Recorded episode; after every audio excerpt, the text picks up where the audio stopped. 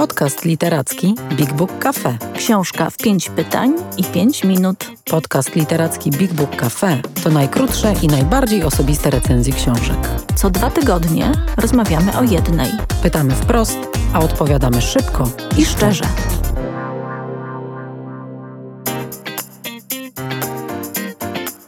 Dzień dobry, witajcie w pierwszym odcinku podcastu Książka w pięć pytań. Startujemy z Big Book Cafe e, z całym naszym zespołem e, z nową rundą na cały 2024 rok.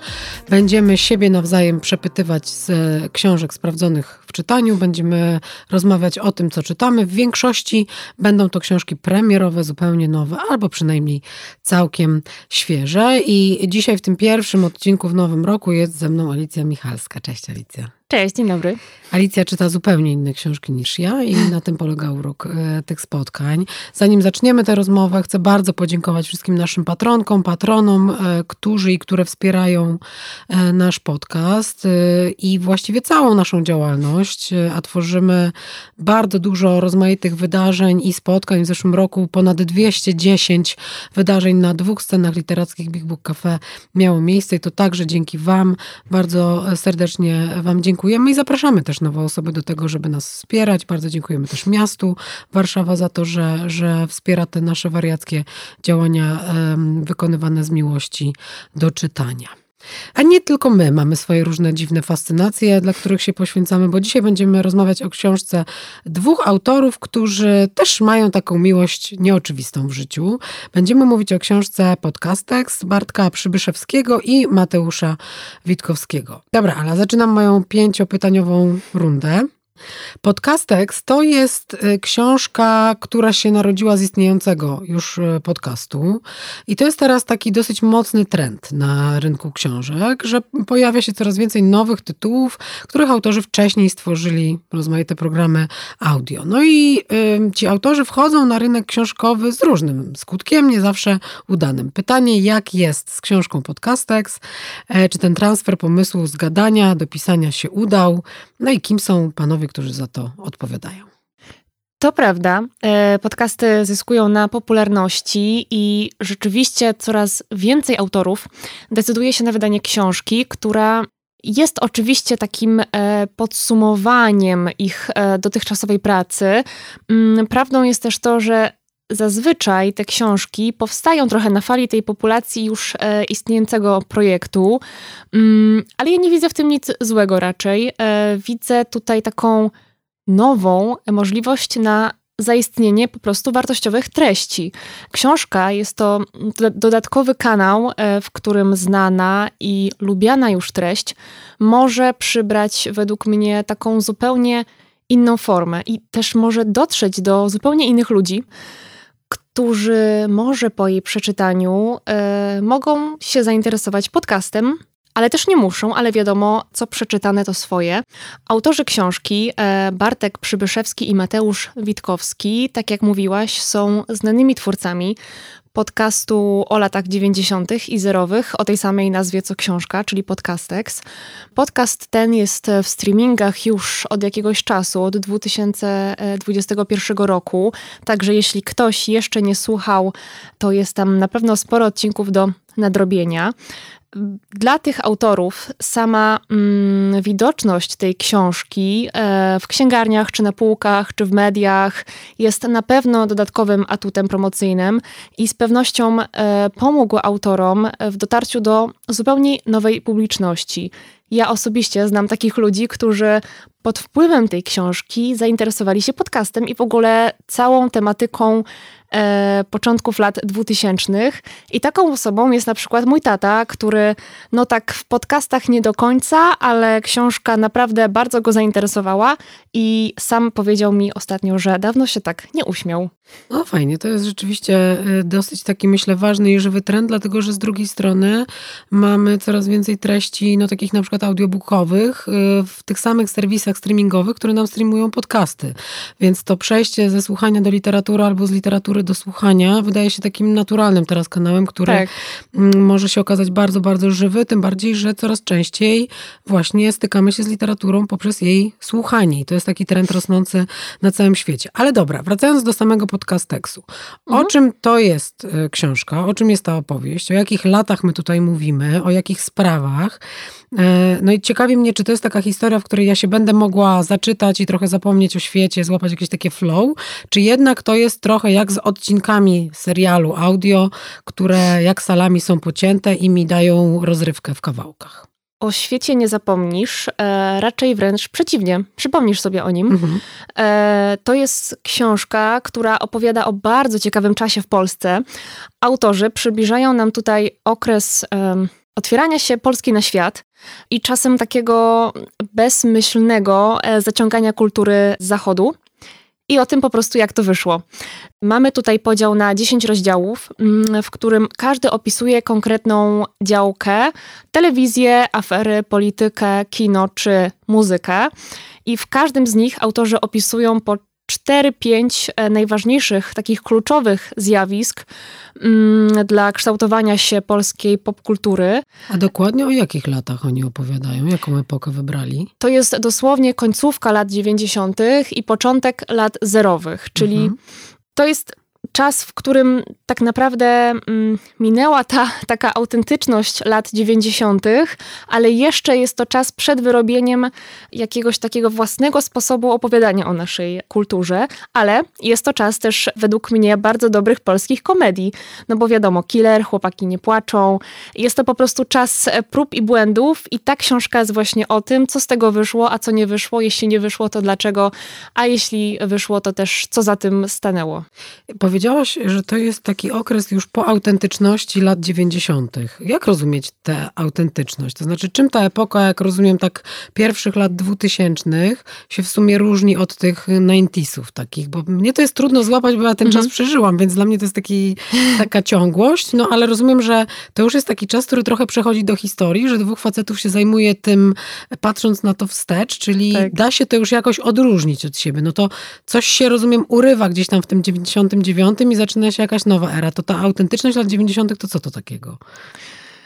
Autentyczność lat 90. e, według mnie to jest, to jest ten czas, kiedy jeszcze e, nie spojrzeliśmy trochę e, na zachód i nie zaciągnęliśmy się tak ślepo jakimiś mm, kosmopolitycznymi wartościami. I nie chcę tutaj zabrzmieć tak dziadersko, ale po prostu te, ten, ten taki, właśnie to jest ta autentyczność tej książki i taki naprawdę oryginalny charakter, zarówno podcastu, jak i książki, że ona opowiada o tych latach dwutysięcznych, czyli takiego czasu, kiedy już e, patrzymy na zachód, patrzymy i, i, i gdzieś tam jara nas ta taka e, międzynarodowość i próbujemy bardzo się do tego dopasować. Próbujemy stworzyć e, coś na wzór kultury z zachodu i nie do końca nam to jeszcze wychodzi, Mhm. ale próbujemy. Okej, no bo te wczesne lata 2000, no to jest też, e, jesteśmy już w NATO, ale jeszcze nie jesteśmy w Unii Europejskiej i te ambicje Tak. dołączania do świata i bycia częścią Europy na pewno zyskują jakieś apogeum. No, ja jestem dzieckiem lat 90. y, i ten początek nowego stulecia to jest z kolei początek mojej dorosłości, więc ja pewnie uczestniczyłam w tym wszystkim, o czym ta książka jest. Mam dużo wspomnień z tego czasu i rzeczywiście pamiętam, że świat miał totalną jazdę na rok 2000. To znaczy wszystkie trendy się kumulowały w końcówce lat 90., ale też były rozmaite fantazje i lęki związane z tym wejściem w nowe stulecie, a potem była jakaś taka wielka cisza i implozja trochę po tym przekroczeniu em, e, e, granicy nowego stulecia. Ale czy w związku z tym, że to jest część mojego życia, czy ta książka mnie może czymś zaskoczyć, czy to będzie taka miła, sentymentalna podróż wstecz? To nie jest książka, która zaskakuje. Na pewno nie osobę, która wychowywała się w latach 90. Dla ciebie może być to rzeczywiście miła, sentymentalna podróż, ale dla osób z mojego pokolenia, czy którzy urodzili się po 2010 na przykład, jest to naprawdę ogromna szansa na większe zrozumienie pewnych zjawisk e, w naszej kulturze, których ciągłość obserwujemy teraz cały No, czas. Na przykład jakich? Ja jestem na przykład fanką takiego zjawiska opisanego w tej książce, Mhm. wedle którego słynni e, bracia Mroczkowie z e, serialu Na dobre i na złe pomogli Polsce wejść do Unii Europejskiej na przykład poprzez podprogowe przekazy w serialach, które poprzez swój taki kosmopolityczny, jak na tamte czasy, charakter, spowodowały otwarcie Polaków na świat, e, za czym poszła większa chęć dołączenia do Unii. Także e, to jest po prostu pewny taki must-read dla tych, którzy chcą zrozumieć pewne zjawiska w naszym społeczeństwie, które weszły na stałe do naszej mentalności i stały się takimi kodami kulturowymi, poprzez które obserwujemy rzeczywistość. Okej, okay, ale na tym przykładzie braci Mroczków, to powiedz mi tak, czy autorzy tej książki trochę sobie kręcą bekę z tego czasu, to znaczy pokazują, że my byliśmy trochę obciachowi, ale bardzo się staraliśmy do tego świata dołączyć, czy raczej oni piszą w taki, nie wiem, poważny sposób, nie wiem, z jakąś taką ambicją socjologicznego zrozumienia ambicji, marzeń, pragnień Polaków? To nie jest na pewno książka tworzona w narracji kiedyś to było. Mhm. E, czy encyklopedia lat 90. w pięciu rozdziałach. Autorzy wcale nie romantyzują tego okresu. To są naprawdę bardzo przemyślane teksty o wybranych i kluczowych wydarzeniach w Polsce, które ukształtowały naszą popkulturę. Myślę, że dla osób, które pamiętają te zdarzenia, odkrywczym będzie tak naprawdę sam fakt zabrania tych kluczowych momentów e, w konkretną opowieść, którą autorzy chcą nam przekazać. Też e, nie bez powodu wybrali poszczególne zdarzenia, próbując dać nam do zrozumienia już po latach, jak bardzo one wpłynęły na naszą rzeczywistość. I ja tym bardziej polecam ją każdemu pokoleniu. A czy tam są jakieś historie o przedmiotach, o y, takich, no nie wiem, przedmiotach użytku codziennego, jakichś takich nowinkach technologicznych, bo jeśli dobrze pamiętam tam ten czas, to był taki moment, kiedy się właśnie bardzo ekscytowaliśmy nowymi rzeczami dosłownie. Czy oni tak. o tym jakoś tam piszą? Tak, jest rozdział e, właśnie, wiadomo, skupiają się bardziej na kulturze i na telewizji i na takich zjawiskach medialnych, które po prostu przyciągały ludzi do ekranów telewizorów, e, ale jest też oczywiście rozdział o technologii i na przykład autorzy próbują odpowiedzieć na pytanie, e, czy Nokia rzeczywiście była taka niezniszczalna. I to, co powiedziałaś o tym jaraniu się nowymi rzeczami, ten wątek rzeczywiście w książce jest opisany, ale właśnie też z takiego socjologicznego punktu widzenia. Na przykład, powiem na swoim przykładzie. Rzeczą, którą ja bardzo źle wspominam z tych czasów, e, to są seriale. E, seriale, które na początku lat 2000 robiły furory, takie jak Świat według kiepskich czy Kasia i Tomek, przy których do czasu przeczytania tej książki pojawiał mi się jedynie taki wielki znak zapytania, jak można było to w ogóle oglądać. No i jest właśnie rozdział poświęcony fenomenowi takich seriali, który dał mi do zrozumienia, jak bardzo innowacyjne to było w formie i przekazie. Także to samo tyczy się rzeczy, o których wspomniałaś, czy Nokia, czy jakieś technologie nowe, czy gra w Simsy.